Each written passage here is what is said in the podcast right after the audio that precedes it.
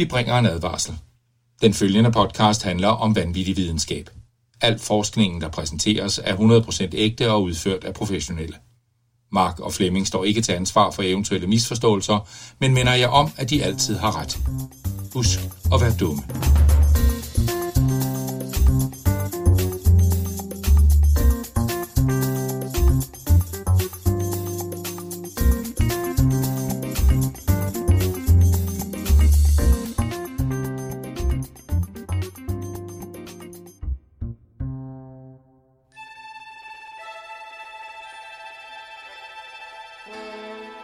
Rummet. Den sidste grænse. Det er rejserne for stjerneskibet Spækbrættet. Dens femårige mission. At udforske mærkelige nye verdener. At opsøge nye fakta og vanvittig videnskab. At dristigt gå hen, hvor ingen høne er gået før. Jeg er jeres voldspsykopats klingeren Nikolaj. Og jeg er opkøbt af Disney Fleming. og jeg er en grøn dværg med et sproghandicap, Mark.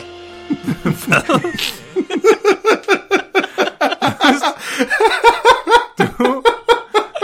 Fuck, det var sejt, Nikolaj. Åh. Jeg havde ventet på, at Flemming ville sige, at jeg er jeres lokale Jar Jar Binks. jeg, har ikke nogen, jeg, jeg har ikke nogen slaver i bikini. Åh. Jeg har kun Hvad? Det er ikke. Jar Jar Binks. Det er Jabba the Hot Fleming. Nå ja. Nå, åh oh, gud.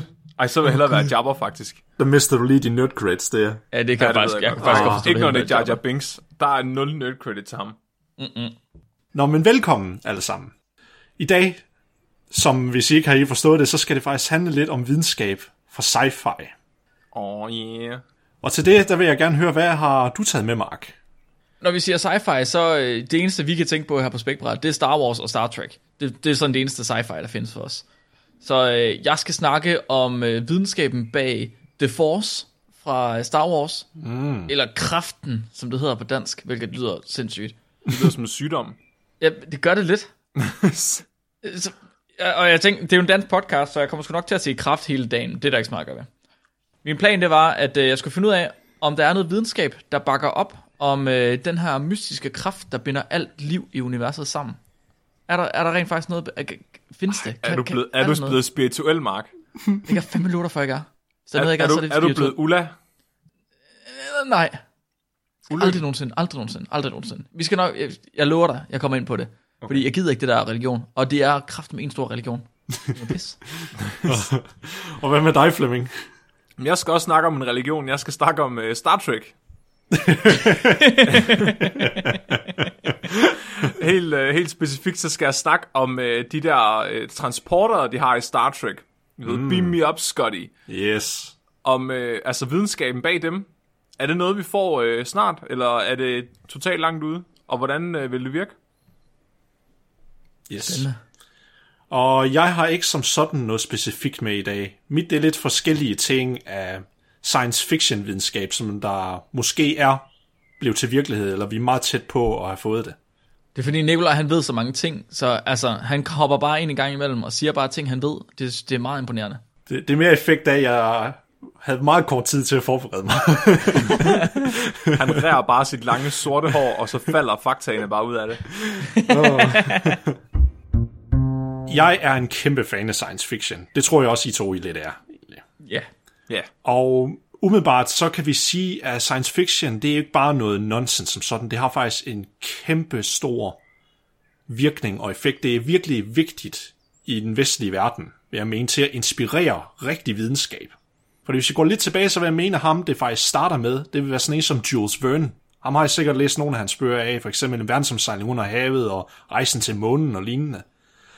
Og han skrev de bøger i 1800-tallet, og mange af de ting, han, handler, han skrev om, de eksisterede ikke på det tidspunkt, men fordi han havde rigtig mange videnskabelige venner og, og, og tætte mennesker, i hvert fald han fik god øh, feedback ved til sine historier, så forudså han rigtig mange ting. For eksempel så forudså han, øh, i den der en verdensomsejling under havet, der er det jo en ubåd, men den er elektrisk.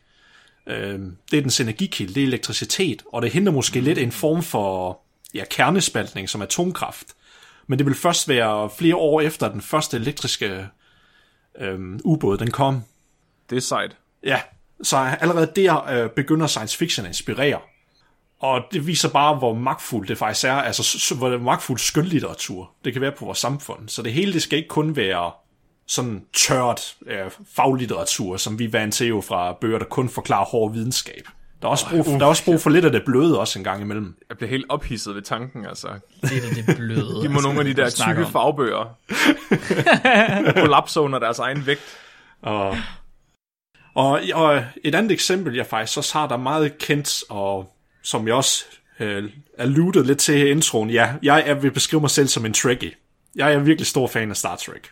Nej, er det rigtigt? Ja, det er jeg virkelig. Altså for mig at se, hvis jeg skal mellem Star Trek eller Star Wars, så er jeg en Star Trek-mand i stedet for. Nej, det vidste jeg faktisk ikke. Men det Og- kommer ikke bag på mig. Det, det, det, han kan da ikke være andet. Altså, jeg havde aldrig nogensinde forventet andet. tak, Mark. Har du, har du, det tror jeg ikke, du har fortalt før. Ja, det ved jeg. Nej, det kan godt være, jeg ikke har. Ej, det kommer ikke bag på mig. Hvad, og hvilken generation er det så?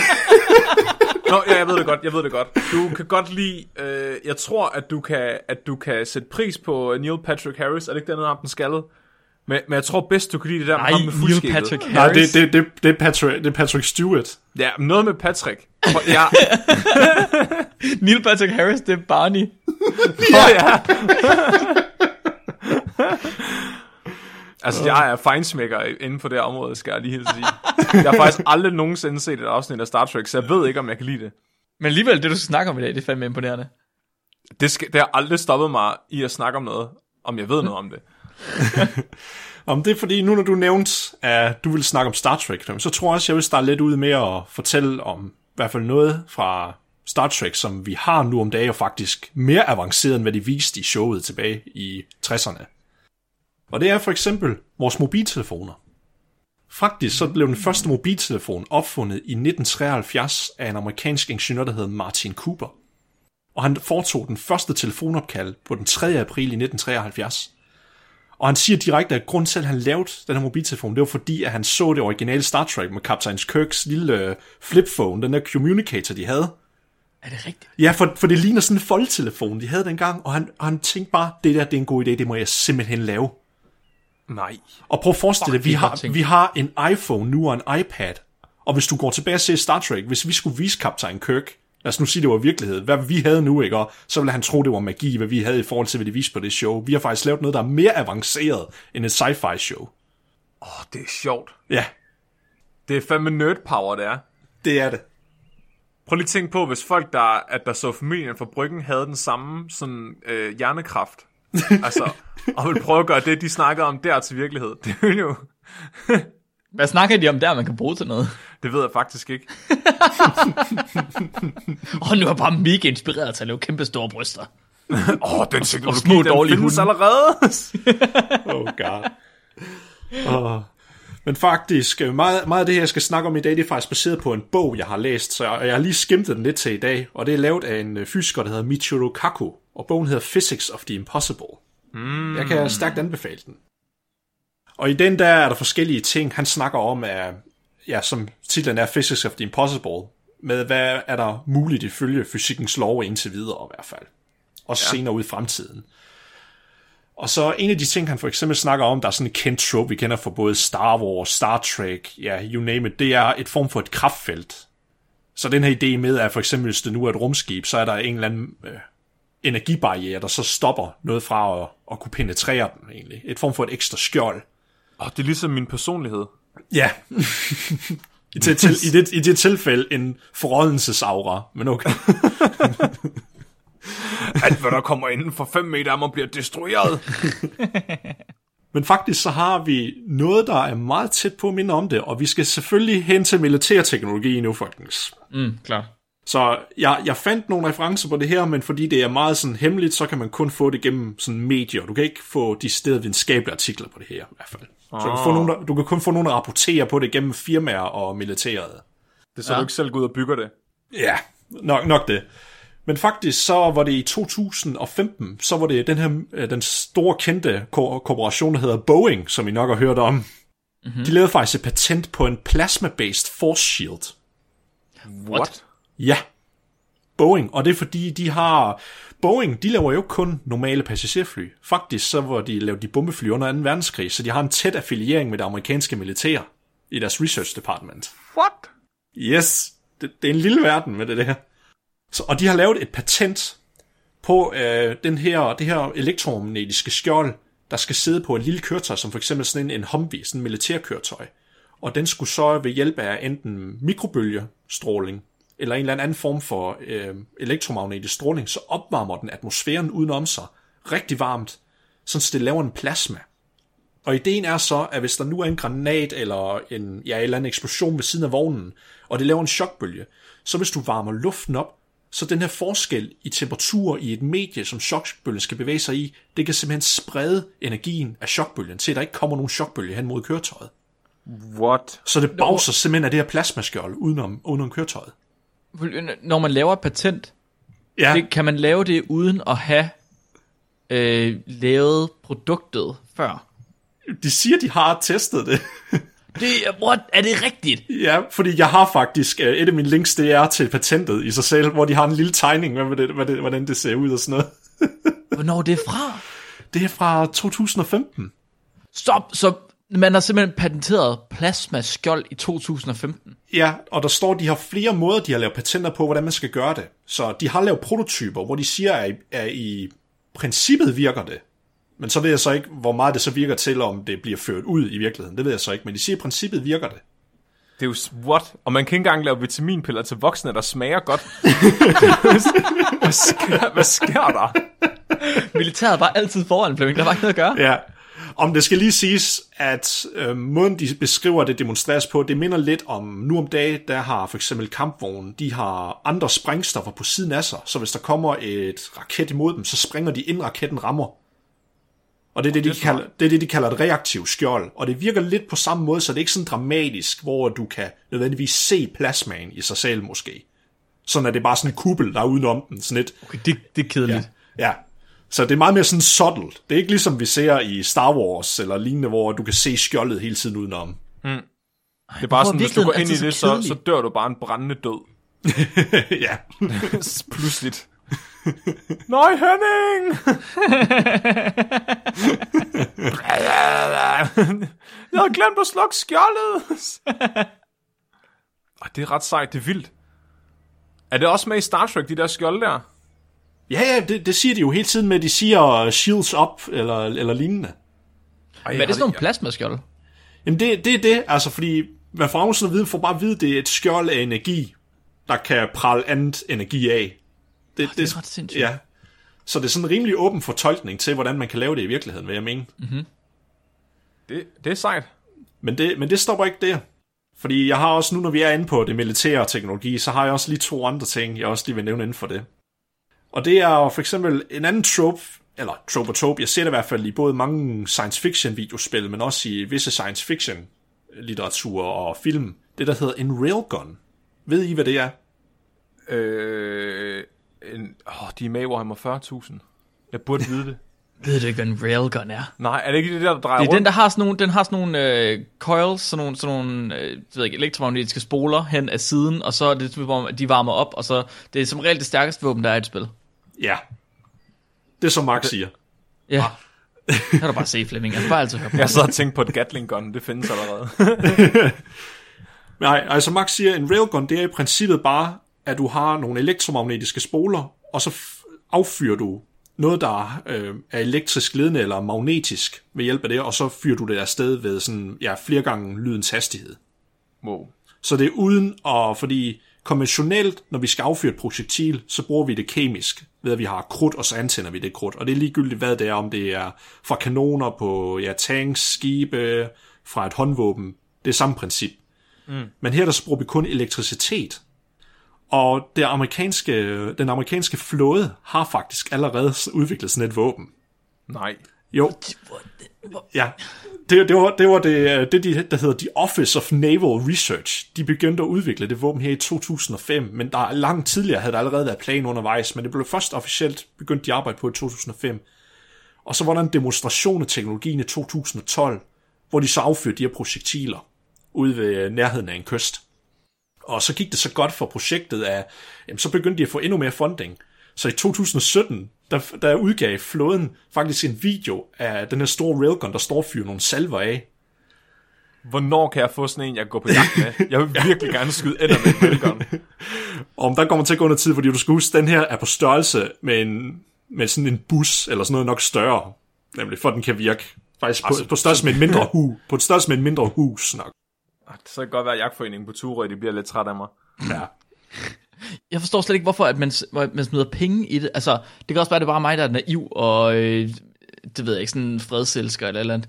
Jeg forstår ikke, hvad er det, dem der smider penge i det, de tænker, de får ud af, at den teknologi bliver udviklet. Nå, nu, så har vi en riffel mere, vi kan skyde efter dåser med. Nej, de vil jo gerne have en riffel, der er så stor, at de kan kalde den Inator til sidst. Oh. Riffel Inator! Mark, altså, det er jo Amerika. Altså, det er også rigtigt, jeg forstår Den jeg skyder forstår med ægte demokrati. ja. Hele vejen over til Mellemøsten. Fa- faktisk så havde det amerikanske flåde, den har brugt 500 millioner dollars på at udvikle det, so far, indtil videre. Og prøv, at- tænke, hvor mange sygdomme de har konkurreret for de penge. Og Det det er, var jo kun en, det ligegyldigt. alligevel kun en milliondel af deres militærbudget, altså om året, ikke? Jamen, de bruger jo også, de bruger også 15.000 på hver eneste bold, de har. Altså 15.000 dollars, vel at mærke. Sådan alle hvad? priser med det amerikanske militær er fuldstændig inflateret, fordi at de ikke aner, hvad ting koster. Ja, jamen det er vanvittigt. Så skal du se nu, jeg tror et eller andet, jeg så på et tidspunkt, de havde regnet, hvad den estimerede pris for, hvor meget aircondition kost, kostede for det amerikanske militær i Mellemøsten. Det er, sådan, det, det er også sådan jerndøde tal. Men de jo bare svede for helvede. Det er, jo- det er jo ligesom... altså, Nej, det er synd for dem. Det er Flemming. De skal have det ordentligt, når nu de er dernede og har det hårdt og varmt. Ja. ja, ja, men altså, kunne de så ikke bare lade være med at blive skudt? Eller sådan, jeg ved ikke, jeg, jeg tænker sådan ikke at svede er det største problem, de har. er det ikke sådan vejsidebomber og... Ej, nej, nej, nej, nej, nej, nej, nej. Det, det, er en dejlig, det er en dejlig spaceretur. Men hvor meget var det, de brugte på aircondition? Var det bare latterligt meget, eller hvad? Ja, men jeg kan ikke helt huske det. det, det men ja, jeg ved bare, det var rigtig mange penge, de brugte årligt i hvert fald på det. Nå, men den her railgun, fordi så spørger man sig selv, okay, hvad skal vi med en railgun? Hvad, hvad kan den, som andre konventionelle kanoner ikke kan? Og det viser sig så, at lige præcis den her, som de så udviklet, den kan fyre et projektil med med Mark 6. Og jer, der har lyttet med i podcasten også, øh, ja, Flemming og Mark, hvis I husker, at når man inden for hastigheder siger Mark, så svarer det i virkeligheden til lydens hastighed. Så Mark 6 er 6 gange lydens hastighed, den fyrer et projektil afsted med. Det er ret hurtigt. Det er, Det er rigtig hurtigt. Så, så den er en del af det, som, øh, som, de, som her designerer som kinetic weaponry. Så det er udelukkende den kinetiske kraft for, hvor hurtigt den flyver. Der er intet sprængstof i projektilet, det er bare et massivt stykke jern, de Nej. fyrer afsted. Og så fordi den fyrer med så høje hastigheder, så springer den i luften. Så du behøver ikke engang at bruge penge på at udvikle nye øh, sprængstoffer overhovedet. Du skal bare, penge, du skal bare penge til at have det tungeste stykke metal, du kan fyre afsted. Det er, synd, det er, bare, sådan, det er bare sådan en øh, slangebøs på steroider, altså. Ja, pretty much. Og så skal vi bare finde det nærmeste, nærmeste store skrotmetalsbjerg, hvor vi bare kan finde projektiler og bare lade den med. Oh, det er Det er sejt. Hvad skyder den med nu så? Skyder den med busser, eller hvad? Jamen lige nu der er det sådan en, øh, sådan, det ligner faktisk bare en stor dartpil nærmest, den fyrer sted, hvor den er lavet af, ja, det har to navne, det hedder den tungsten eller wolfram, for eksempel. Så det er både, det har en rigtig stor densitet, men samtidig har det også et vanvittigt højt øh, smeltepunkt, fordi det bliver virkelig varmt, når det skal flyve så hurtigt igennem luften. Klar. Mm. Men desværre, så indtil videre, så går det faktisk dårligt for projektet nu her. De har ikke fået så meget funding på det sidste, så flåden har tænkt sig at kassere projektet, efter de har brugt 500 millioner på det. Oh. Man skal også vide, Hvor hvornår man skal sige nok og nok, ikke? Altså, øh, Ah, men det, det, er, det er så typisk. Jeg ser det gang på gang, hver gang du læser noget fra det amerikanske militær. De bruger sindssygt mange penge på noget, der faktisk ser lovende ud. Men så fordi, at de er meget sådan konservative med, ah, det gamle virker sgu stadigvæk egentlig. Throw it back in the research bin. hvor mange millioner dollars var de fra at have telepati, der fungerede? Det vil jeg gerne vide. Men hos der er goats. Åh oh, ja, åh oh, ja. Det, det, er, det er også et andet emne, vi kommer til. Uh, ikke i dag, men fra i fremtiden, regner jeg med. Nå, okay, okay, okay. jeg tænkte sådan lige, fuck, har vi, har vi what? Nå, men jeg tænker, at du, vil du fortælle lidt om, ja, om dit emne, Flemming? Ja, men jeg fortsætter i Star Trek. Så som jeg sagde, beam me up, Scotty. Hvem Scotty så end er. Jeg har sk- Oh my fucking god. Åh, oh, du ødelægger dig for så mange fans nu. jeg ved, hvem Spock er. Det har med ørerne. Ja, Ørerne! ja. Og så er der ham der, der ligner en pariser toast, øh, der er sur. Det er, øh, han er klingeren. Det er ham der, der har sit eget sprog, at nogen kan tale. Ja, det, Spock, det er også ja. ham, der gør det der med fingrene, er det ikke det? Nej, nej, nej, nej, nej, nej, nej. Spock er en, uh, Spock er en Vulcan. Det er dem, der gør det med fingrene. Ham, du tænker på, det er, um, det er jo Worf, der er en klingeren. Ja, det er ham, der ligner en paris toast.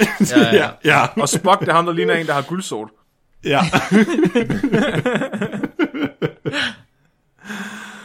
Nå, jeg skal snakke om transporter, og transporterne, det er de her øh, teleporteringsapparater, der sidder på rumskibene i Star Trek. Og selvom jeg ikke har set Star Trek, så har jeg set de her transporter rigtig meget, fordi jeg har set rigtig mange parodier på Star Trek. Mm. Og øh, blandt, der er blandt andet Galaxy Express, som øh, nok er en af de mest... Øh... Er det ikke den her? Nej, Galaxy Quest. Galaxy Quest. Tak, Nikolaj. Du er min held. Hvor, hvor det går galt med den her øh, transporter, og, og, og øh, der vrangen bliver vendt udad på en af de her personer. Hvad? Ja. Kan den det? Og øh, nogle gange går det åbenbart galt, og det gør det faktisk også i Star Trek, har jeg fundet ud af. Jeg har været inde og læse på deres Wikipedia-side, og det er sindssygt, fordi altså, der står mere om de her transportere inde på Wikipedia, altså inde på fansiden af Star Trek, end jeg tror, der gør om, om altså, alle grundstofferne til sammen på Wikipedia. altså, det er så sindssygt. Så øh, jeg, har, jeg har ikke tænkt mig at læse det hele op, men jeg har oversat noget af det. Så en transporter er et subspace-apparat, der er i stand til øjeblikkeligt at transportere et objekt fra et sted til et andet ved brug af stof-energi-omdannelse. Stof omdannes til energi og sendes gennem rummet, hvor til det bliver omdannet til stof igen. Og de her transportere, de blev opfundet af Emory Ericsson i år 2121, men blev først sat i brug i år 2124. Det, det er der, hvor det lige hurtigt, skal huske at sige disclaimer. Det er det er fiktionelt, når du begynder at nævne datoer. er det? Ja. Fuck, ja, ej, det var også troværdigt. Ja. jeg kunne heller ikke forstå årstallene. Jeg, jeg, var ikke, jeg synes ikke, vi var nået så langt endnu. Men den første, Det var en trans- kalender. den første transporter var halvandet minut om at transportere folk, hvorimod de nuværende transporter kun er få sekunder om det.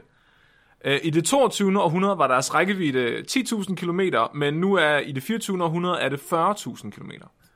Jeg har også nogle quotes omkring øh, transportere. Transporting really is the safest way to travel af øh, Jordi LaForge, som er ham der øh, med de seje briller på. Han ligner lidt Cyclops fra, øh, fra X-Men. han, han har også sagt, Rick, how many transporter accidents have there been in the last 10 years? Two? Three? There are millions of people who transport safely every day without a problem. Jordi LaForge, 2369. Realm of Fear. Jamen, altså, det er også, det er også, det er jo, det er jo en valide pointe, ikke? Altså, det er fuldstændig Ja. ja. som at snakke om, altså, hvor, hvor slemt det er at flyve. Så slemt er det jo virkelig ikke at flyve, fordi statistisk set, så er der meget få mennesker, der falder ned og dør i en flyvemaskine. Ja, statistisk set, Mark. Statistisk set. Så konceptet går egentlig ud på at dekonstruere et menneske til ren information. Det kan, jeg godt, det kan jeg godt gøre for dig. Du skal også kunne samle det igen, Nikolaj. Åh, oh, dammit. Jeg har godt set dit samurai-svær der, det ser ikke... øh. Så det går ud på at dekonstruere et menneske, eller et rumvæsen, vi diskriminerer ikke her på podcasten, til øh, ren information, og så sende øh, informationen gennem rummet øh, ved op imod lysets hastighed, og så øh, på rumskibet samler du så mennesket igen ud af det her information. Og det er Oh, okay. Ja, Tesøs skib, er det så den samme person, når man kommer frem? Præcis, Mark. Det er lige der ved hen. Fordi jeg forestiller mig, at det, der sker, det er, at folk bare går i opløsning og dør en forfærdelig smertefuld død. Men så bliver, det, så bliver der lavet en identisk klon af dem, som har alle minderne indtil det øjeblik, og som er oppe på rumskibet. 100 procent. 100 procent. 100 procent. Hvad nu, hvad nu hvis, at det i virkeligheden er sådan, at man selv bare ryger ned i en lem, ned i sådan et hul, hvor alle, der nogensinde er blevet teleporteret, de også er. sådan en eller anden mærkelig, en eller anden mærkelig øh, dungeon, øh, sex dungeon, et eller andet, Jeg- jeg hvor tror, man hvis- så er, mens man laver, laver en klon. Jeg tror, der er en, der har set for meget The Prestige lige der. Spo- spoiler alert. ja, det, er, fuck, det er 100% det samme. Nej, nej, øh, undskyld mig, Flemming, men jeg tror, du glemmer at pointere, det er Star Trek-episode, hvor de faktisk pointerer, at det ikke længere er et problem med transporteren, med at de ikke bliver slået ihjel. Nå, undskyld. Det havde jeg glemt. Hvilke afsnit er det nu lige, der var? Det kan jeg ikke. er det ikke længere et problem, at de dør af det? Uh, ej, jeg kan ikke selv Jeg tror, det er et af de uh, Star Trek-sæsoner, jeg ikke har set i hvert fald. Men jeg, jeg ved bare, der er nogle, de, nogle ekstrem Reddit-nørder, der har pointeret sig og sagt, øh, undskyld mig, men de har fikset det problem, så i, i canon i universet er det ikke et problem. Nå, altså, at der er nogen, der dør en horribel Nej, nej, nej, nej der, der er ikke nogen, øh, hvor uh, du bare kloner, og så slår personen ihjel, for eksempel. Nå, så de har anerkendt, at det er sket på et tidspunkt? Ja. Fordi jeg tænker også bare, altså hvis det, hvis det, det, det, det sætter jeg egentlig pris på at vide. Det gør mig lidt glad at tænke på, jeg ved ikke hvorfor, men, men jeg tænker bare, altså det er jo lidt svaret til i dag, ikke? Altså hvis at du, hvis at du bare, øh, altså lige 3D-scannet Mark, og så, øh, så øh, opløst ham, og så 3D-printede du ham ud af noget lever på et eller andet andet sted. Jeg har altid ønsket at være lever på steg. jeg synes, men jeg havde faktisk regnet med, at vi ville være uenige omkring det her spørgsmål, med om man bare dør, og så dukker op igen. Det er 100% det, der sker. Det er 100, prøv at hvis der er noget, det er det billigste, man kan gøre. Jeg kunne ikke forestille mig andet. Prøv at tænke at skulle udvikle teknologien til at skulle øh, skrive dig om til information. Det, det lyder jo sindssygt, det kan man jo ikke. Du kan, du kan ikke bare lave en, det giver ikke mening. Det er langt nemmere at, bare, altså, at få, dig, få, få blueprintet, eller få scannet dig til en computer, slå dig ihjel, og så få 3D-printet dig. Det er langt billigere. ja, det er faktisk... Åh, oh, Mark, du, er, du kommer til at tjene mange penge senere i din karriere, kan jeg fornemme. Det er det hele del. Og, og hvis folk de så... Altså, hvad folk de tror, det er jo lige meget. Bare at dem, der nu engang styrer reglerne, de tror, at man gør det ordentligt. Det er det vigtigste. altså, det er jo Donald, det, er jo det Donald Trump, han gør. Men, okay, så bliver jeg... Jeg kan høre, at jeg bliver nødt til at lege djævelens advokat. Der er nogen, der skal mm-hmm. være det jo. Men hvad bygger du det på, Flemming? Siden du mener, at man bliver slået ihjel af den. Hvordan kan det være, at den information, der er dig, at det ikke er nok? Hvordan kan det være, at, at hvis det overlever, så hvorfor betyder det så, at du dør, bare fordi den bliver ført videre? Ja, om det, og det er en god pointe, så hvis at øh, det er ligesom de beskriver i showet, hvor at du faktisk ikke bliver, øh, altså det stof, der udgør dig, ikke bliver destrueret, men bliver omdannet, og så omdannet igen, så kan jeg godt se din pointe. Altså, så, så, vil jeg, så vil jeg tænke på det som om, at du, at du bare oplever, at der mangler 5 sekunder af dit liv. Ja.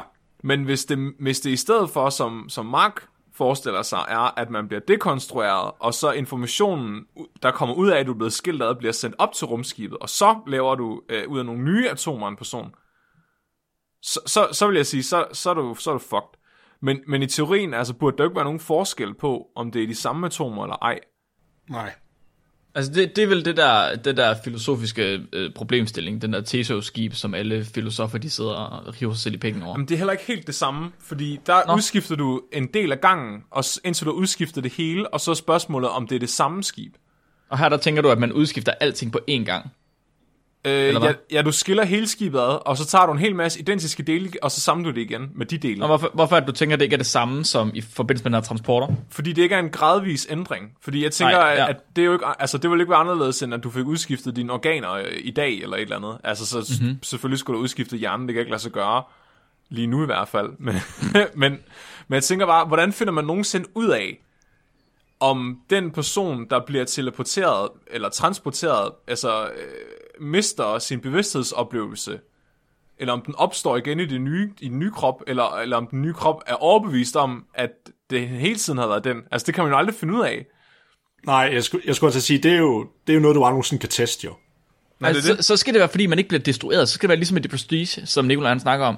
At i stedet for, at du bliver destrueret, og så opstår der en ny, at så altså, kommer der en klon frem. Så i stedet for det er en teleportationsmaskine, så er det en kloningsmaskine. Og Jamen, så er du nødt til at skal ja. hen og myrde den nye klon, eller den gamle klon. Men det er jo lidt sådan, at det jeg forestiller mig, at den fungerer. Altså som en kloningsmaskine.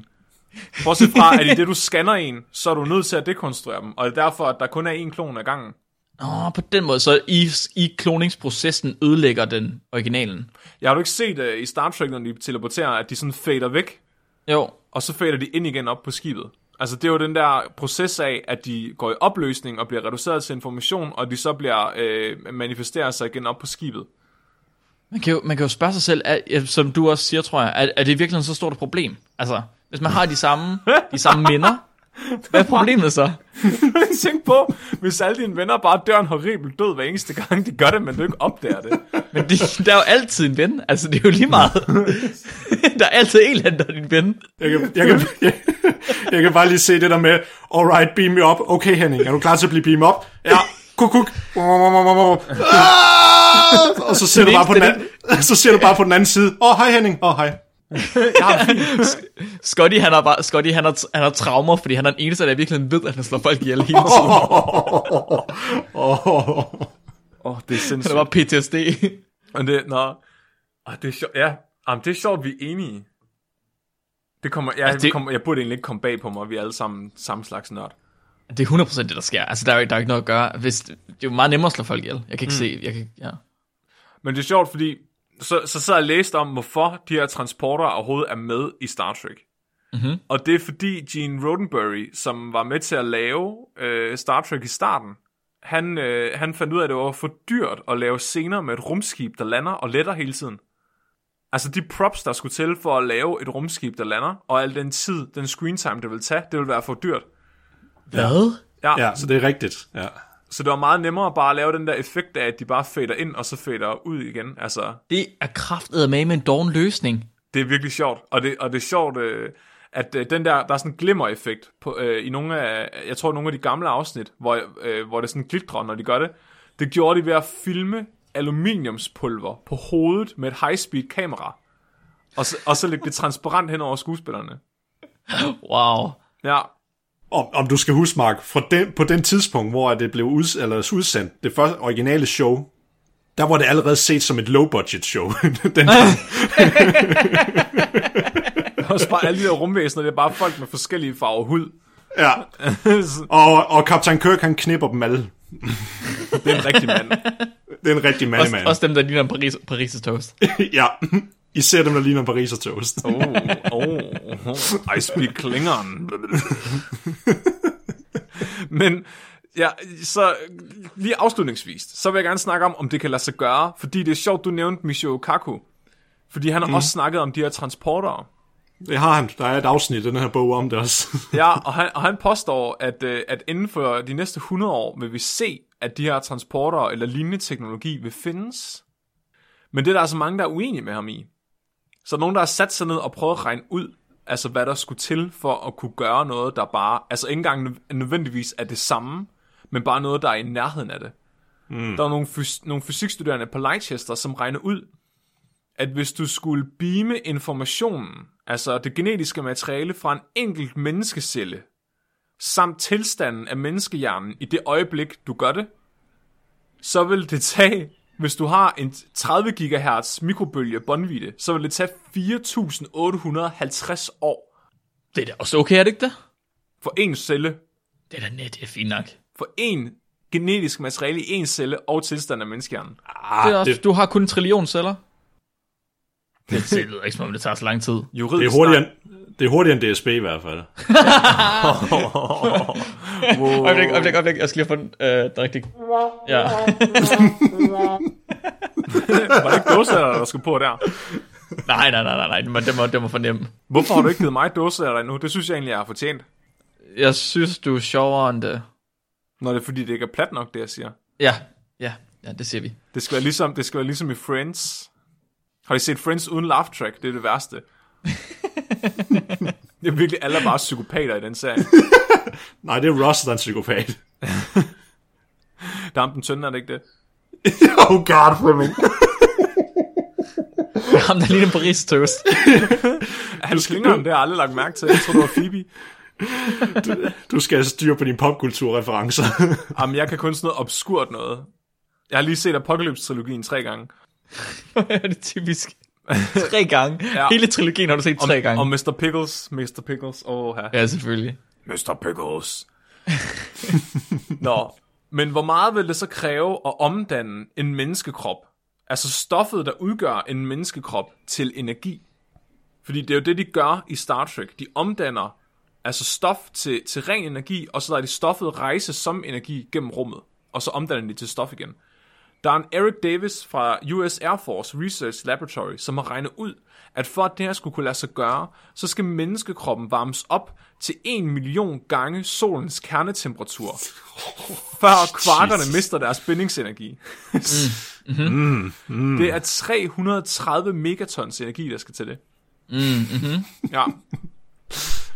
Og øh, der så er nogen, der også i den her tidshorisont, som Michio Kaku har lagt ud, fordi så selvom man giver ham, altså man kan sige et stretch, og så siger, fint nok, det kan være, at vi finder andre måder at gøre det her på, som er mindre besværlige, så øh, den, den, den komputeringsenergi, der skal til for at udrette det her, hvis vi antager, at vores computer de bliver 10-100 gange mere effektive hvert årti, så vil det tage i hvert fald 200-300 år, før at, vi, at vores computer overhovedet vil være i stand til at kunne lave de her altså, beregninger.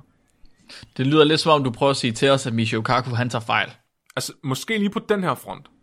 lige på den her front. Men jeg har også lyst Det er til, at sjovt, han, I, jeg har lyst til, at han har ret. Fordi han har også sagt, at vi, at vi bliver en type 1-civilisation inden for omkring 100 år. Og jeg vil rigtig gerne være udødelig, så jeg kan få udødelige høns. det er sjovt, I begge to har taget med, fordi jeg har også fundet en, hvor han siger, at, øh, at lysvær, det er også noget, vi kan lave nu. ja. Men det er sjovt, fordi Han har bare, jeg, han har bare udtalt sig om alle de der popkultur-ting. jamen, jeg, havde, jeg havde også den sygeste ladyboner over ham. Men jeg begyndte at blive sådan lidt mere skeptisk, fordi nogle gange synes jeg, det virker som om, at han lidt udtaler sig om noget, han måske ikke, ikke er helt ekspert i, men det er mest, når han går ind på politik. Mm, okay. Altså, jeg synes, det er lidt mærkeligt, at en, en teoretisk fysiker vil bruge så lang tid på at snakke om, om politik og sådan noget. Det, det, det kan jeg ikke helt... Øh... Men det er nok bare mig. Ja, jeg skal sgu ikke kunne sige det. Det er meget typisk, er det ikke det? Nikolaj sidder og græder af stillhed. Nej, jeg sidder bare og tænker på, hmm, siger manden, der kan lide Jordan Peterson. Hmm. Wow, wow, wow, wow. Jeg, jeg kan ikke lide Jordan Peterson. Jeg kan lide at hade ham. fair nok, fair nok. Og jeg så, et, jeg så et klip med Jordan Peterson den anden dag, hvor han, Oh, here we go, here we go. hvor han begyndte at snakke om, at han mente, at, øh, at menneskets underbevidsthed kendte til strukturen på DNA. Ej, stop. ja, fordi at øh, helix-symbolet forekom i rigtig mange øh, kulturer, så var sådan, Ej, hold nu op. det var så forkert på så mange forskellige måder. Sindssygt sagt, hvor er det bare dumt. Altså, Ja, ja, han skal godt virkelig vide, hvornår han skal tige stille. Go, go, go clean your room, Fleming. Ja, undskyld. Nå, ja, det var det, jeg havde om uh, transporter. Og meget smukt, synes jeg. Meget smukt. Så i virkeligheden, så er Klingons faktisk lavet ud af Paris Toast. Mm. Fordi de er Det er en ny Paris toast hver eneste gang. De, er blevet, ja, de bliver 3D-printet som to- Paris Toast. Jeg, jeg tror bare, de er alle sammen, de er sådan, de er sådan en transporterulykke. tør du ikke sige til dem. Ej, det har du ret i. Kan du egentlig tale noget klinger, Nikolaj?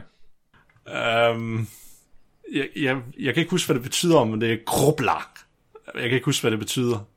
Der var et tidspunkt, hvor jeg kunne sige, hvor er toilettet. Det var en svagt. Det er også godt at kunne. Kroplagt, det lyder smukt. Det synes jeg. Så noget mere, jeg har taget med, det er for eksempel usynlighed. Altså, hvem kunne ikke godt tænke sig at kunne gøre det? Alle. Lige præcis. Og det er ligegyldigt... mig? Nej, det er for, ja, ikke et stykke tid, nej. Der har jeg ikke set dig fysisk. Og det er lige fra, om det er mere sådan fantasy, ligesom Harry Potter, til mere som der er min personlige yndlingsfilm, Predator, for eksempel. Åh, oh, ja. Mm. Ja, den er også god. Det er en der er, jeg tror også sådan en film med mere testosteron nogensinde er blevet lavet. Jeg har jo sådan mødt en kvinde, der, der har set den film heller, jeg tror jeg. Så meget testosteron er der i den. Det tror jeg faktisk, du er ret i. Ja, Jeg tror, Commando er den eneste, der kommer i nærheden af den. ja. Jeg, tror, jeg, tror faktisk, jeg tror faktisk, det var derfor, at jeg havde den kropsbehåring, jeg har nu, da jeg var 12-14 år gammel. Det var, fordi jeg så den film så meget, tror jeg. det, er, det er bro science lige der. Nå, men til jer, der ikke har set Predator, fordi det er plottet handler om, at vi har den her gruppe af Special Forces, hvor vi har blandt andet Arnold Schwarzenegger i hovedrollen, men også mange kendte action-stjerner fra 80'erne. Og hvor det viser sig, at der faktisk er et rumvæsen, som der jager dem. Mm. Netop, netop fordi de er de her big bad guys, så er den interesseret i at få deres kranier, ligesom Marks kæreste. Det må vi ikke joke med, Nikolaj. Det, det er forbudt territorie. Jeg fortæller sandheden, så det er sjovt. Og, Og det- og det, som der så er, er karakteristisk ved det her rumvæsen, det er, at den er i stand til at kunne gøre sig usynlig, eller har sådan en speciel camouflage. Og, og det sjove er, nu om dagen, når du ser tilbage på det, det øh, camouflage, eller usynlighedscamouflage, vi har nu om dagen, minder faktisk utrolig meget om den effekt, der er i filmen. Wow, Er det rigtigt? Findes der Ja, ja, fordi- usynlighedskamuflage? Jamen, det er det, jeg vil komme ind på jo. Fordi i selve filmen, der ser vi, at faktisk den måde usynligheden virker på, at du kan stadigvæk se sådan en frame, altså sådan en grov ramme af en eller anden form for menneskelig form. Egentlig sådan en humanoid form. Mm-hmm. Men det, der er bag ved den, det bliver projekteret foran den. Ligegyldigt hvad vinkel du ser fra den, så det ser ud som om, den bare er et med baggrunden. Mm. Og det er der nogen, der har døbt, at det her det er den hellige gral for camouflage, hvis man kan gøre det. Og selvfølgelig er der jo nogle ja, fremragende fysikere eller sindssyge fysikere, der altid kommer på en eller anden løsning. Faktisk så troede man førhen, at det her det var umuligt ifølge optikkens lov. Altså de lov, der beskriver, hvordan lys interagerer med linser og hvordan vi ser det, at det, det burde ikke kunne lade sig gøre, kan bøje lys på den måde. Men det er der så nogen, der kom frem til, at det er muligt med noget nyt materiale, der hedder metamaterialer, man er kommet frem til. Og Metamaterialer. Ja, metamaterialer. Og det Det er... er et dårligt navn. Ja, det, det er et meget mærkeligt navn. Og det, der er specielt ved dem, det er materialer, der har en evne, du ikke ser i andre naturlige stoffer. Så det kan være, at de har en eller anden nanostruktur, eller du kombinerer et organisk materiale med et eller andet metal, og så, ændrer, og så når de bliver kombineret, så har du samtidig også skidt med en eller anden speciel nanostruktur, der gør, at de får en egenskab, der aldrig er set i naturen før. Og så via det, så er der nogen, de har fundet frem til forskellige måder, hvordan du kan bøje lys. Faktisk det første eksempel, der kom ud med et firma, det var i 2006, og selvfølgelig var den research fundet af DARPA, som der er det amerikanske research center for inden for hele deres militære division. Selvfølgelig. Og jeg, jeg har prøvet at finde noget nyt fra dem, jeg kan ikke finde noget mere fra dem, synes jeg, så jeg ved ikke, om de bare arbejder for dem nu. Oh. Men de, fa- de, de fandt så ud af, at de faktisk kunne gemme fuldstændig noget fra radiobølger. Så hvis du prøver at fyre radiobølger mod det, og så håbede det blev sendt tilbage, så kunne det ikke. For radio, på radiobølgespektrummet af lys, der var det helt usynligt. Så i princippet, hvis du kan gøre det med radiobølger, som der også bare er en anden bølgelængde af lys, hvorfor skulle du så kunne gøre det med synligt lys? Fordi det ser, det ser vi også med andre ting, for eksempel de der store stealth-fly, som her har, der har de der mærkelige kantede former. Det er faktisk lidt det samme koncept, der også er med dem. Selvom de ikke er usynlige på radar eller sonar, så er de bare så små, at det ligner en fugl på en radar i stedet for et stort fly. Okay. Men her der vil man så fjerne det fuldstændigt. Og der er nogen, der er gået endnu videre med det, og faktisk, øh, man kan faktisk se videoer, det er et firma, der hedder Hyper Stealth Biotechnology. Selvfølgelig er det. Ja.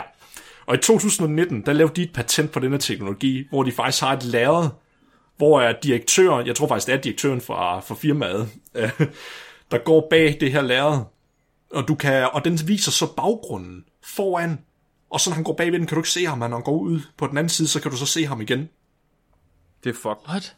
Ja. Så den projekterer, den har simpelthen, de har simpelthen fundet en måde på, hvordan du kan bøje lyset, sådan så den viser, hvad der er i baggrunden, og så projekterer det foran på materialet. Det ligner bare sådan et stykke lærred papir. Det er fandme mærkeligt. Det er ulækkert. Ja. Og de kalder okay. Okay. den også, uh, The Quantum Cloak, kalder de den, så det er et eller andet helt mærkeligt. Fuck, det er nogle syge Halloween-kostymer, man kan sy ud af det der. Ja. Jeg har, jeg har en, vild, øh, en vild tilføjelse, fordi jeg sad og snakkede med Tøre på et tidspunkt, hvor mm. han var på arbejde, og så af en eller anden grund, så kom han chef ind og begyndte at snakke også. Og så fortæller chefen, de havde nemlig lige sekventeret sildens genom. Ikke spørg mig hvorfor. Men øh, chefen, han kunne bare nogle mærkelige facts om sild, og han fortæller, at de har sådan en guanidinkrystal i deres skæld, som åbenbart, fordi problemet med sild for sild, det er jo, at de, hvis de ligger i vandet, så øh, skygger de jo for solen. Mm. Det vil sige, at rovfisk, der ligger under dem, de kan jo bare fange dem, som de vil. Men de har så udviklet en bestemt krystal, der ligger i deres skæld, som gør, at solens lys bøjer hele vejen rundt om deres krop og ned igennem. Så rovfisk ser ikke skyggen af sild ovenover dem, Damn. Så hvis man fordi skal de lave... har den her specielle krystal i deres skæld. What? Så verdens dårligste parasol er lavet ud af sild. Præcis. Præcis. Oh god. Det er ret sejt. Så der findes faktisk stealth technology i uh, naturen, og sild de har dem. Kan man så ikke bare tage sådan en dragt på, der er lavet ud af levende sild, og så, øh, så se, om det virker? Tænker jeg, det må, det må være muligt. Maybe, maybe. En anden ting, jeg så også har med, inden jeg tager uh, creme la creme af det, jeg har lavet til i dag, mm. det er, uh, nu skal vi lidt tilbage til noget mere våbenteknologi. Det er det, der hedder et Orbital Weapon System. Fordi, jeg ved ikke, hvor mange af, af for eksempel, Star Wars var ikke de første til at komme på den titel til filmen egentlig. Tilbage under den kolde krig blev det term også brugt af, jeg kan ikke huske, om det var Kennedy eller hvem det var, til et satellitvåbensystem, der var designet til at kunne skyde ballistiske missiler ned ud for rummet, for eksempel. Så, men det blev sådan udviklet, men det var kun en idé, som de legede med regeringen, fordi de var enige om, at det, det, det kan simpelthen ikke betale sig, det er for dyrt. Vi, mm. vi, vi bygger bare nogle flere atommissiler og tror russerne noget mere i stedet for. det, det er meget billigere. Det er meget billigere. Men der var så også i 50'erne, der var det faktisk en, en gut, som der hed øh, Jerry Pornell, som der senere hen blev en science fiction forfatter. Han, han foreslog et, et, et idé til det her våbensprojekt, der hed Projekt Thor, hvor du faktisk har en våbenplatform, hvor du har nogle kæmpe store telefonpælestørrelse metalstænger, som du faktisk bare smider ud fra rummet af, og så, så de fungerer ligesom en meteor. På grund af den hastighed, de fiser ned mod atmosfæren, så kan du faktisk få en lille atomeksplosion. På grund, af den kineti- på grund af den kinetiske energi. Det er sindssygt. Ved at kaste med, ved at kaste med telefonpæle. Ja, der er lavet af, af tungsten, eller bly, eller... Ja. Bare sådan en fucking blytelefonpæl nede for rummet. Det er fandme træls. Det er også det, var det. Jeg elsker, hvad de kalder det Project 4. der, jeg, jeg har også set, der er nogle steder, der har den også øgenavn, øgenavnet The, The Rods of God, eller sådan noget, eller Thunderbolts. Åh, oh, det skal Det er hardcore. det skal jeg til at kalde min penis. og, og, og faktisk, øhm, det var lidt svært at finde finde referencer, men det amerikanske flyvåben, de har faktisk nævnt det i 2003, havde de sådan en stor rapport, det, hvor de ville snakke om den fremtidige udvikling af luftvåbnet, og der nævner de det faktisk, at de skal være 6,1 meter øh, lange, og så en halv meter i diameter, og det skal være tungsten. Fordi det er tungest. Uh, ikke to, ja, tungst, det har den højeste, det har meget høj densitet i hvert fald. Så samtidig med, der har et højt smeltepunkt igen. Nå, det er ligesom, 6,1 meter lange, det er virkelig specifikt. Ja, det synes jeg. Jamen, det er fordi, det er 12 fod. Det er derfor. Nå, så, så det bliver til 6,1 meter, ja. ja. og, det er så, og så vil de så sige, mindst i hvert fald flyve ned mod jorden med sådan Mark 10. Altså 10 gange lydens hastighed. Og det skulle det... være mere end rigeligt til at kunne udslette, hvad end det måtte være, at de rammer. Wow, men det vil jo så egentlig være et, et våben med potentialet. Nå nej, men hvis det bliver en atomeksplosion, så kommer der også radioaktiv stråling, ikke? Jamen det gør der ikke her jo. Nå, Det så det, er bare, udelukkende- det bliver ikke Ja. en atomeksplosion. Det bliver bare tilsvarende kraft. Ja, tilsvarende, den mængde energi, der bliver frigivet, vil svare til, til en mindre atombombe i hvert fald er ideen. Men der er ikke noget radioaktiv nedfald eller noget som helst efter det. Nå, det er jo faktisk bæredygtig masseudryddelse. det kan jeg godt gå ind for. Det er lige biologen sådan. Ja, altså det er jo, kæft, der er jo ikke noget ved at bombe nogen, når du så ikke kan flytte dem bagefter. Altså, Klimarigtig krig. Og, jeg slår dig bare rigtig, rigtig hårdt med den her meget store pind. Jeg tror faktisk, den eneste film, jeg har set, det var i, hvad var det? Jeg tror, det er den første G.I. Joe-film, der udkom for nogle år tilbage. Ej, har du set den? Ja, jeg tror faktisk, det er der, våbnet bliver brugt egentlig. Ej, jeg er im- imponeret over dig nogle gange, Nikolaj. Den, den, den, den tror jeg ikke, jeg kunne sidde igennem. Og det, det var det, hvad jeg havde. Fandme smukt. Det var, det var lækkert. Jeg elsker, at du lige fik Predator med. det var mega smukt. Okay, gutter. Er I klar til at høre, hvordan I bliver Jedi's? Ja. Yeah. Jeg skal snakke om The Force, som er øh, den her kraft, som Jedi's de kan bruge, og Sith Lords i virkeligheden kan bruge, øh, og kan manipulere til deres, til deres vilje. Og først og fremmest så, øh, det her, det er Star Wars, og det, jeg, sku, jeg kan sgu godt forstå, at det ikke er alle, der lige er med på Star Wars. Så nu, nu hjælper jeg lige. Flemming, det er dig, jeg snakker til. nu hjælper jeg lige til at finde ud af, hvad er det her? Det er, Og, øh, ja, Ved du? det er det der, med, at der, er- hvor de lavede Lego. Ja, det er forkert. øh, kraften i Star Wars, det er sådan et mystisk ener- energibaseret felt, som binder alle levende organismer i hele universet sammen. Og hvis man googler energifelt, så får man 10,5 millioner hits, der alle sammen refererer til spirituelle Ullas arbejde. Det er kærlighed. Så det skal man lade være med. Kraften, den skal ikke forestille at være spirituel. Men det er sådan lidt ligesom med alt andet, der er baseret på enten religion eller fysik, så er den ret vagt defineret. Der er nogle individer, der mærker kraften specielt meget. Og det gør de, fordi at de har en højere koncentration af nogle symbiotiske organismer, som hedder midichlorians, inde i deres celler. Mark, Mark, Mark. Der er mere mellem himmel og jord, end videnskaben kan forklare. Prøv at det er det, jeg lige er ved at fortælle dig, Flemming.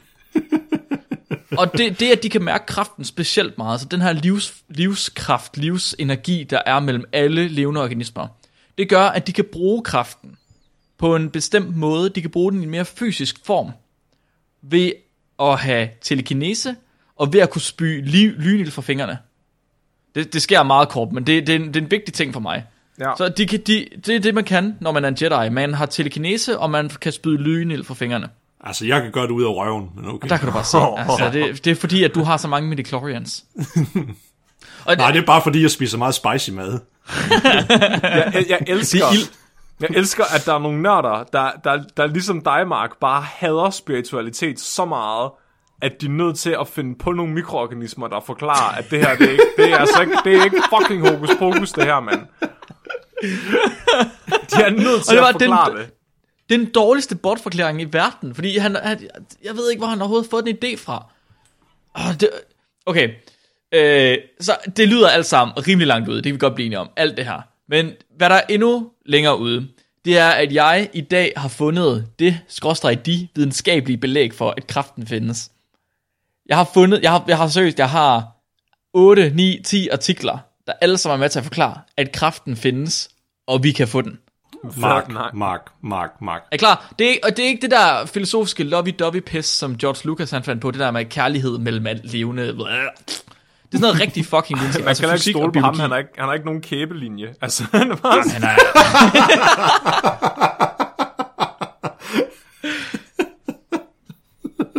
Har I set ham? okay, okay. Har I set Vi- de vi er der at billeder, hvor de photoshopper hans skæg væk? Det er fucking uhyggeligt. han ligner bare sådan en tomfinger. Altså, Han er Jabba the Hutt. Plot twist. Dun, dun, dun. Okay, vi er nødt til at starte fra starten af. Så han fandt på de der midichlorians, så vi er nødt til at finde ud af, hvad er de der midichlorians? Okay, i Star Wars-universet, så er de. Og her der citerer jeg fra Qui-Gon Jinn, som er spillet af Liam Neeson, ham der også er med i Taken. I uh, The Phantom Menace, episode 1 fra 1999. Flemming, det var dem, du ikke har set, var det ikke det? Øh, De der prequels. Ja, nej, dem har jeg ikke set. Det her, det er den, hvor Anakin, han er en lille dreng og flyver rundt i de der øh, flyve, flyvebiler. Ja, men jeg har set... Okay. ja, That's pod racing. Ja, port racing, lige præcis. og øh, Qui-Gon Jinn, han siger, al energi fra den levende kraft, fra alle ting, der nogensinde har levet, fødes ind i den kosmiske kraft, binder alting sammen og kommunikerer til os igennem midichlorians. Og det er selvfølgelig noget pseudo- pseudovidenskabeligt religiøst bagl. Men han siger også, midichlorians er en mikroskopisk livsform, der lever inde i alle levende celler, inde i celler, og vi er symbio- symbionter med dem. Øh, livsformer lever sammen med de her, og har en form for, øh, altså, lever, øh, ja, får noget ud af det begge to, og uden midichlorians, så kunne liv ikke eksistere, og vi vil ikke have nogen øh, viden om kraften. Er det mitokondrier, han snakker om, eller hvad? Og det er der faktisk, ja, øh, det her det giver en lille smule mere mening. Øh, George Lucas han har selv udtalt, at han baserede midichlorians på mitokondrier. Øh, og vi har altså snakket mange gange om mitokondrier. Det er de her små organeller, der, leve, der findes inde i vores celler og producerer ATP, eller energi, til os. Og de har deres eget DNA, og en, den mest brugte teori, vi har lige nu i vores tid, det er, at de er kommet ind i vores celler, ved at en af vores celler engang slugte en bakterie, uden at synke. Og i stedet så begyndte de to celler at arbejde sammen, og nu har vi så celler, som de nogle gange findes. Det er frægt. Ja, og det, han mente, at det var mitokondrier, han tænkte, det skulle være. Fordi så meget ved han om biologi, så det må være det samme. Han har også sagt, at det siges, at visse øh, væsener er født med en højere awareness. Hjælp mig. Øh, Oh, der er mere mellem himmel og jord, end videnskaben kan forklare. En, en, en højere bevidsthed, eller... s- ja, jeg ved okay, ikke, jeg prøver ja. lige igen.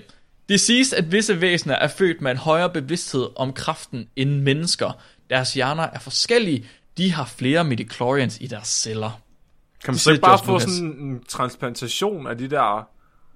Sådan en proteindrik, der var fuld af de der midichlorians der. Jo, måske, måske. Så det var her, det var tilfældet for Anakin Skywalker, også øh, kendt som øh, Darth Vader. Han havde et midichlorian-tal på over 20.000. Det er jo ikke ikke betyder noget, for der er ingen enheder på. Nej, jeg skulle til at sige, kan vi få et eller andet, hvem- er referencen? Har vi en standardmenneskes med Det, det var i hvert fald det var højere end Yoda, i hvert fald. Okay. Men han er også Det, mindre, det må jo. være meget. Det siger de. de. De siger det meget i filmen. Men det, det, det, de siger ikke, hvad det er. De siger bare, det er over 20.000. Jeg synes ikke, 20.000 mitokondrier lyder særlig meget, når vi har en trillion celler. Men Ej. det, det kan man, det er så, hvad det er. Men Har du set, videnskab- hvor lille Yoda er? Det er det, jeg mener. Det er derfor, Yoda som- juridisk set er bedre, fordi han, han, hans, hans kropsmasse er mindre, ikke? Hans BMI er meget lavere. Når du, ja, så hvis det er et absolut tal, det kan jeg godt se. Så hvis ikke det er en koncentration, Ja, det kan jeg godt se. men vi mangler en Flemming, du sagde, du sagde lige før, at øh, hvis, hvis, kan man ikke bare få en transplantation af de her mitokondrier? Ja, Så, godt spørgsmål. Er det måske bare, at des flere mitokondrier man har, des mere telekinese kan man udøve? hvad Det nu, kunne hvis, være, det hvad nu hvis man æder Yoda? Hvad nu, hvis man æder Jona? Jeg tænkte, øh, at måske så kunne man træne sig til kraften. Jeg fandt i hvert fald et studie fra 2006, der er udført af en gruppe forskere fra University of Pittsburgh, og de vi har vist, at ældre mennesker, de kunne øge deres antal af mitokondrier i skeletmuskler, muskelceller, med cirka 50%, bare ved at træne 4-6 gange ugenligt. Og når man siger træne for ældre mennesker, så er der sådan, gå op og ned ad trapperne, eller sådan, Jeg ved kan, deres tror, knæ. tror, du så, tror, tror du så også, bare for virkelig at leve sig ind i det, at træneren har været sådan yoda med sådan, mm, gotta get the games you do. Sætte op på ryggen af dem imens. Det er fandme ikke i orden. Og samtidig, og, og samtidig taler sådan baglæns med alt, hvad han siger. Jeg kan stadig bedre lide ideen om at æde noget, end at bevæge sig. Jeg tror ikke, når du æder noget, så, altså, så skal det være fordi, at du gør ligesom da mitokondrien, de kom til til at starte med. Mm. Så skal du være med, så skal du synke uden at synke. Så skal jeg få mine celler til at spise for mig. Og uanset hvad, ikke? Jeg har, jeg, jeg har let længe, men jeg har altså ikke kunne finde nogen studier, der siger, at mitokondrier, de kan give lyn, lynild og telekinese. Til gengæld, så fandt jeg et andet studie fra 2006, der er udført af et hold internationale forskere fra henholdsvis Italien, Australien og Tjekkiet, og de arbejdede med flåter. Og de arbejdede med at forstå flåten, der hedder Ixodes ricinus, der er en vektor for sygdom Borrelia. Og i den forbindelse, der har de fundet en bakterie, der inficerede de her flåter. Og ikke nok med, at den inficerede flåter, så kunne den også invadere eller kravle ind i celler, og helt ind i deres mitokondrier. Men bakterien det gjorde ikke flåterne syge, så i stedet for så lever bakterierne og, mitoko- øh, og flåterne i en symbiose. Ligesom midichlorians. What? Ligesom midichlorians, gutter. At, Og det var faktisk også det her studie, der navngav bakterien. Prøv at gætte, hvad navnet blev på den her bakterie. Forsilius. Den hedder Candidatus midicloria mitochondriae. God damn it. Der er en bakterie, der hedder, der hedder midicloria. Den findes, den findes, der, der, der, der, findes en bakterie, der hedder mitokondria, som lever inden, ikke, mitoko- ikke midicloria, der lever inde i mitokondria. Jamen, I skal ikke, I skal ikke sige, ja, det, jeg har fundet, jeg har fundet vejen til kraften. Men Mark, bare fordi, det er jo ikke, bare fordi de hedder det samme. Altså, jeg, hvis jeg døber mit barn Elvis, så bliver han jo ikke Elvis. Okay, okay, okay. Det er fint nok, Flemming. Det er, fi- det er fint nok, det er fint nok, det er fint nok, det er fint nok. Så du siger, du siger, at måske så giver den ikke telekinese og lynild, bare fordi den hedder det samme. Ja. Men det kan jeg lige love dig for, at den gør. Fordi i den her artikel, der har de lavet et fylogenetisk træ. Altså en matematisk bestemmelse af slægtskabet mellem organismer. Altså mellem midicloria ja. Og andre bakterier. Ja. Altså, den var Star Og så Wars, eller finder den, man, vi selv har så finder man, så finder man en beslægtet bakterie. Ja. Så finder jeg en beslægtet bakterie, der hedder Magnetospirillum magnetotacticum. Nej. Hvad tror I, den kan? Er den magnetisk? Den er magnetisk. Den kan, den kan mærke magnetiske felter, Flemming. Fucking hell. Og det fik mig til at tænke på en ret kendt artikel, der vandt en Ig Nobelpris tilbage i år 2000. Og vi har faktisk vist nok talt om den. Det var nemlig uh, André Geim og Michael Barry, der viste, at man kunne få frøer til at svæve ved brug af magneter. Det er jeg faktisk glad for. Man kan bruge magneter til telekinese. Men det kræver også, at der er en magnet i røven på frøen. Nej, nej, nej, nej, nej, nej, nej, nej. Man kan mellem to magneter få en frø til at svæve. Wow, hvad? Det var det, de viste i den artikel. Jeg troede, de fik frøen til at æde magneten. Nope. Nej, nej, nej, nej, nej. De to til en superconduct... Kon, hvad hedder det? Superledende. superledende magnet. Altså, som et sindssygt god magnet, som var kølet ned til minus 80 grader, eller sådan noget, minus 250, jeg ved det ikke. Hmm. Men de tog i hvert fald to magneter og satte dem over hinanden, og puttede frøen ind imellem de to magneter, og så svævede den. Det er ret sejt. Så man kan bruge magneter til telekinese. Og, det, og, så, og så, okay, så, øhm, så min tanke her det er, nu har vi fundet den her magnetfølsomme bakterie.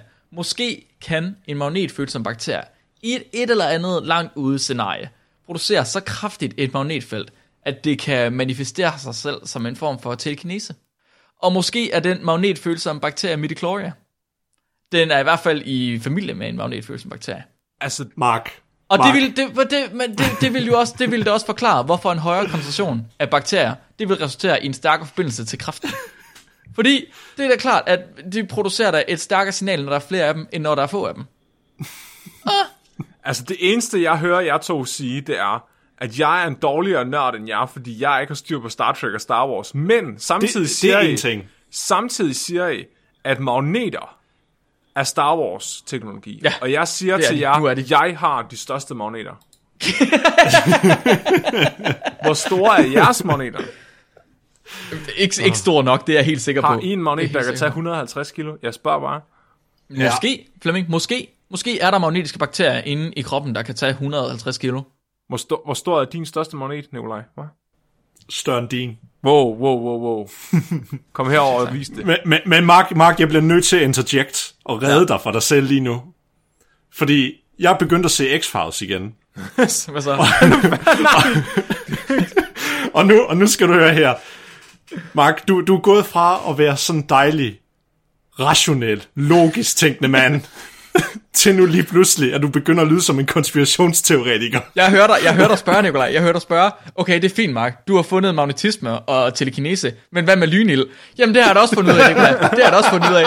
Fordi, fordi det er da meget normalt for dyr, at de kan, lave, at de kan lave elektricitet selv. Der findes faktisk en del dyr og mikroorganismer, der kan producere elektricitet. Hvis man gør dem stød, så... Nej, I kender, I kender da måske den elektriske ål. Gør I ikke Nå, det? ja, det er. Laver den ikke stød? Ja. Jo. Hvad? Hvad? Og findes der måske ikke andre fisk, der også kan det? Og ved I, hvad for mikroorganismer, der gør det ved en helt almindelig fermentering? Den hedder bagegær. Det er den gær, vi bruger til at bage med. Jeg ser bare Den dig smurt ind i bagegær med sådan elektriske ål om armene og magneter på fødderne. Og nu skal I høre, nu skal I høre. Ved I, hvad for en anden mikroorganisme, der også kan lave strøm? Du- Magnetospirillum magnetotacticum. Nej. Boom. Den, der var i familie med midichlorians. Yes, lige præcis. Den, der også kunne lave magnetisme. Der var en teenager tilbage i... Øh, det står der her. Der var en teenager fra Montreal, der, der brugte... Øh, hvad fanden brugte han? 100 gram af de her bakterier. Og så fik han lavet lige så meget spænding, som der er i et halvt AA-batteri. Wow. Okay, det er faktisk rimelig imponerende. Det er faktisk rimelig imponerende. I, så, der, der, så der, der, det var der. Kraften ligger lige der. Den ligger i Magnetospirillum eller Midichlorian. Ja, tak for i dag. Jeg tager ikke, jeg tager ikke mod spørgsmål. Altså, jeg synes, ikke, jeg synes, du stoppede Nikolaj lidt tidligt i hans rant. altså, jeg, jeg, jeg, jeg er nødt til at give Nikolaj ret. Der er sket noget, Mark, over de sidste 100 afsnit. Ja, Ma- Mark, jeg er, bekym- jeg er bekymret. Jeg tror, Du det, har er brug for hjælp. spørgsmål. jeg, Du har brug for hjælp, Mark. Jamen, jeg tror, det er, fordi jeg har snakket så meget med ham, jeg- at han er blevet lidt ødelagt på en eller anden måde. Jeg skriver en artikel til, uh, til, til vores nye hjemmeside, hvor der kommer til at stå, at vi alle sammen har kraften inde i os. Så tror folk bare, vi har cancer. Videnskabeligt set. Husker du så at, at sælge bakterierne? Ja, Og sådan, ja, så du kan påstå, at folk, at folk de kan forøge deres eget kraftniveau ved at indtage dem. Selvfølgelig. Vil du også gerne have kraft, så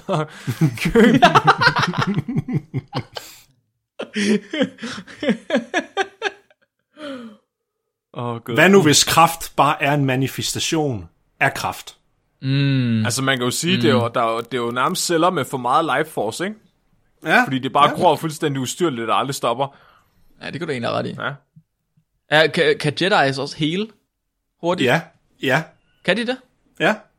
Der kan bare se. Det kan det kan være, de bare har cancer. Kan cancerceller lave strøm? Det har jeg ikke prøvet. Altså, kan, kan alle celler teknisk set ikke lave strøm? De har jo et elektrisk potentiale, jo. Jamen, det er rigtigt. Men jeg tror, der skal noget til, for at de ikke bare går ind i, altså, at det ikke bare går ud med hinanden. Hvis du nu, hvis du nu har en, øh, sådan en af de der øh, multibaner med sådan noget plastikgræs på, og du knupper dem hen af, så tror jeg godt, de kan. Ja, det tager lige en bakterie og knupper hænderne. Ja. Det var det, jeg lavede, mens alle de andre spillede fodbold. Så løb jeg bare hen og knuppede mit hoved af. Og gav, gav dem stød. Hvor du så også en af dem, der, der sådan gav dig selv stød ved at sætte din tunge på et batteri, eller hvad? Nej, Flemming han holdt fast i stødhegnet, indtil han det. Det har jeg faktisk gjort. Ja, det undrer mig ikke. Det er rigtig sjovt, hvis man er kæde af flere, der holder i hænderne med hinanden, og så, så er der en, der rører ved hegnet, så er den, der yderst der får stød. Det var mig. Du, du ender også med at få stød, jo. Nej, det er altid den yderste. Det er bullshit, det tror jeg ikke på. Du skal prøve. Jeg vil gerne stå Det kan inderst. vi godt. det kan vi godt, det er fint med mig. Det er en aftale. Mark er i midten. Tak fordi I lyttede med, kære lytter. Næste uges afsnit, den 7. juli, kommer til at handle om transhumanisme. Det vil for at sige for eksempel teknologiske metoder til at udvikle mennesket til noget, der for eksempel er mere end menneske. Eller Caitlyn Jenner. Nej. Hun Nej. er også transhumanist. Nej. Gwyneth Paltrow. Goop. har, I hørt, har I hørt, hun har lavet duftlys, der lugter af hendes orgasme? Ja, jeg har. ja. Fuck er det? Jeg kan ikke se Iron Man igen nu. Jo, det er hende. Jo, ja. Det kan det... Ja, nej, okay, nej, ja. Det, vi, jeg, tænk, jeg tænker, det er sådan noget som de der mennesker, der, du ved, øh, stopper magneter ind i armen. Fordi de gerne vil mærke magnetfelter. Er det ikke sådan noget? Ja. Jo, for det, kan- det kan for eksempel være det. Jo. Ja. Cool. Uh, hvis I har idéer, videnskab eller spørgsmål, som vi øh, skal tage med til det næste afsnit eller de kommende afsnit, så sig endelig til, så I kan finde os på Facebook, Instagram eller vores gmail, som der er spækbrættet snabelaggmail.com. Det vil så sige stedet på gammeldags manér, så det er AE i stedet for. Mm-hmm. Ja, øh. Øh. Og hvad skal folk gøre, Flemming? De skal købe nogle penge til os. Yes. Det kan de gøre inde på Spreadshirt, hvor vi har hundetarklæder og babydragter, og vi har også kopper og t-shirts og hættetrøjer. Og har vi også nogle mobilcovers? Det tror jeg måske. Jo, det mener vi har. Kasketter? Mener vi har. Ja, der er alt muligt fedt. Med uh, vores, vores fede designs på, som Mark har lavet i sit ansigtsfodsved. Mm. Det er på bit.ly-specshop med E. Og ellers så kan de også uh, donere til os på tier. Så kan I gå Ja. ind og vælge et beløb, vi får hver gang vi uh, udgiver et afsnit. Og det kan være fra 5 kroner op. Og der, der giver man jo ikke bare penge for at give penge, fordi der får man jo også noget ud af det. Det er lidt ligesom, når man køber noget på, på shoppen. Der, øh, der køber man sig ind i en meget eksklusiv gruppe, klub nærmest. Hvis I kult, er der nogen, der vil kalde det? Spækkerne. Spe- Jo, vores fellow spækkere. oh. Oh. Hvor, hvor man simpelthen øh, får adgang til en masse ekstra materiale, vi laver. Så vi har nogle klip fra forskellige afsnit. Altså, det bliver hele tiden opdateret, så kommer hele tiden nye klip ind. Der er forskellige grafikbilleder og øh, ting, vi tegner og øh, videoer og sådan nogle ting. Det kommer alt sammen til at ligge derinde, så man kan komme ind og se det. Det er eksklusivt, så det er kun, hvis man donerer til os på 10, at man kan få lov til at se det. Hvis vi uh, får uh, 10 nye uh, uh, folk, der donerer til os på tier, uh, eller når vi får det, så, så lægger jeg et billede op af mine uh, fødder. At, ja, mm, hvor, ja. Bare, bare, bare fødder. Hvor, hvor, hvor, hvornår begynder vi så også at sælge vores eget badevand, så? Det er ved 20, tror, vi er der. Vi 20, har gjort det. 20 donationer mere. Okay. Er I klar til dagens dyrefakt? Ja, Ja, giv mig det. Der er ingen myg i Island. Ingen myg. de har det kraftet med med fornemt. Ah, Kæft, mand. Og så er det endda sex med deres fædre og kusiner oven i købet. Boy, det er så nemt at være i Island. Mit navn er Nikolaj. Mit navn er Flemming. Og jeg hedder Mark. I har lyttet til Spækbrættet. Husk at være dumme.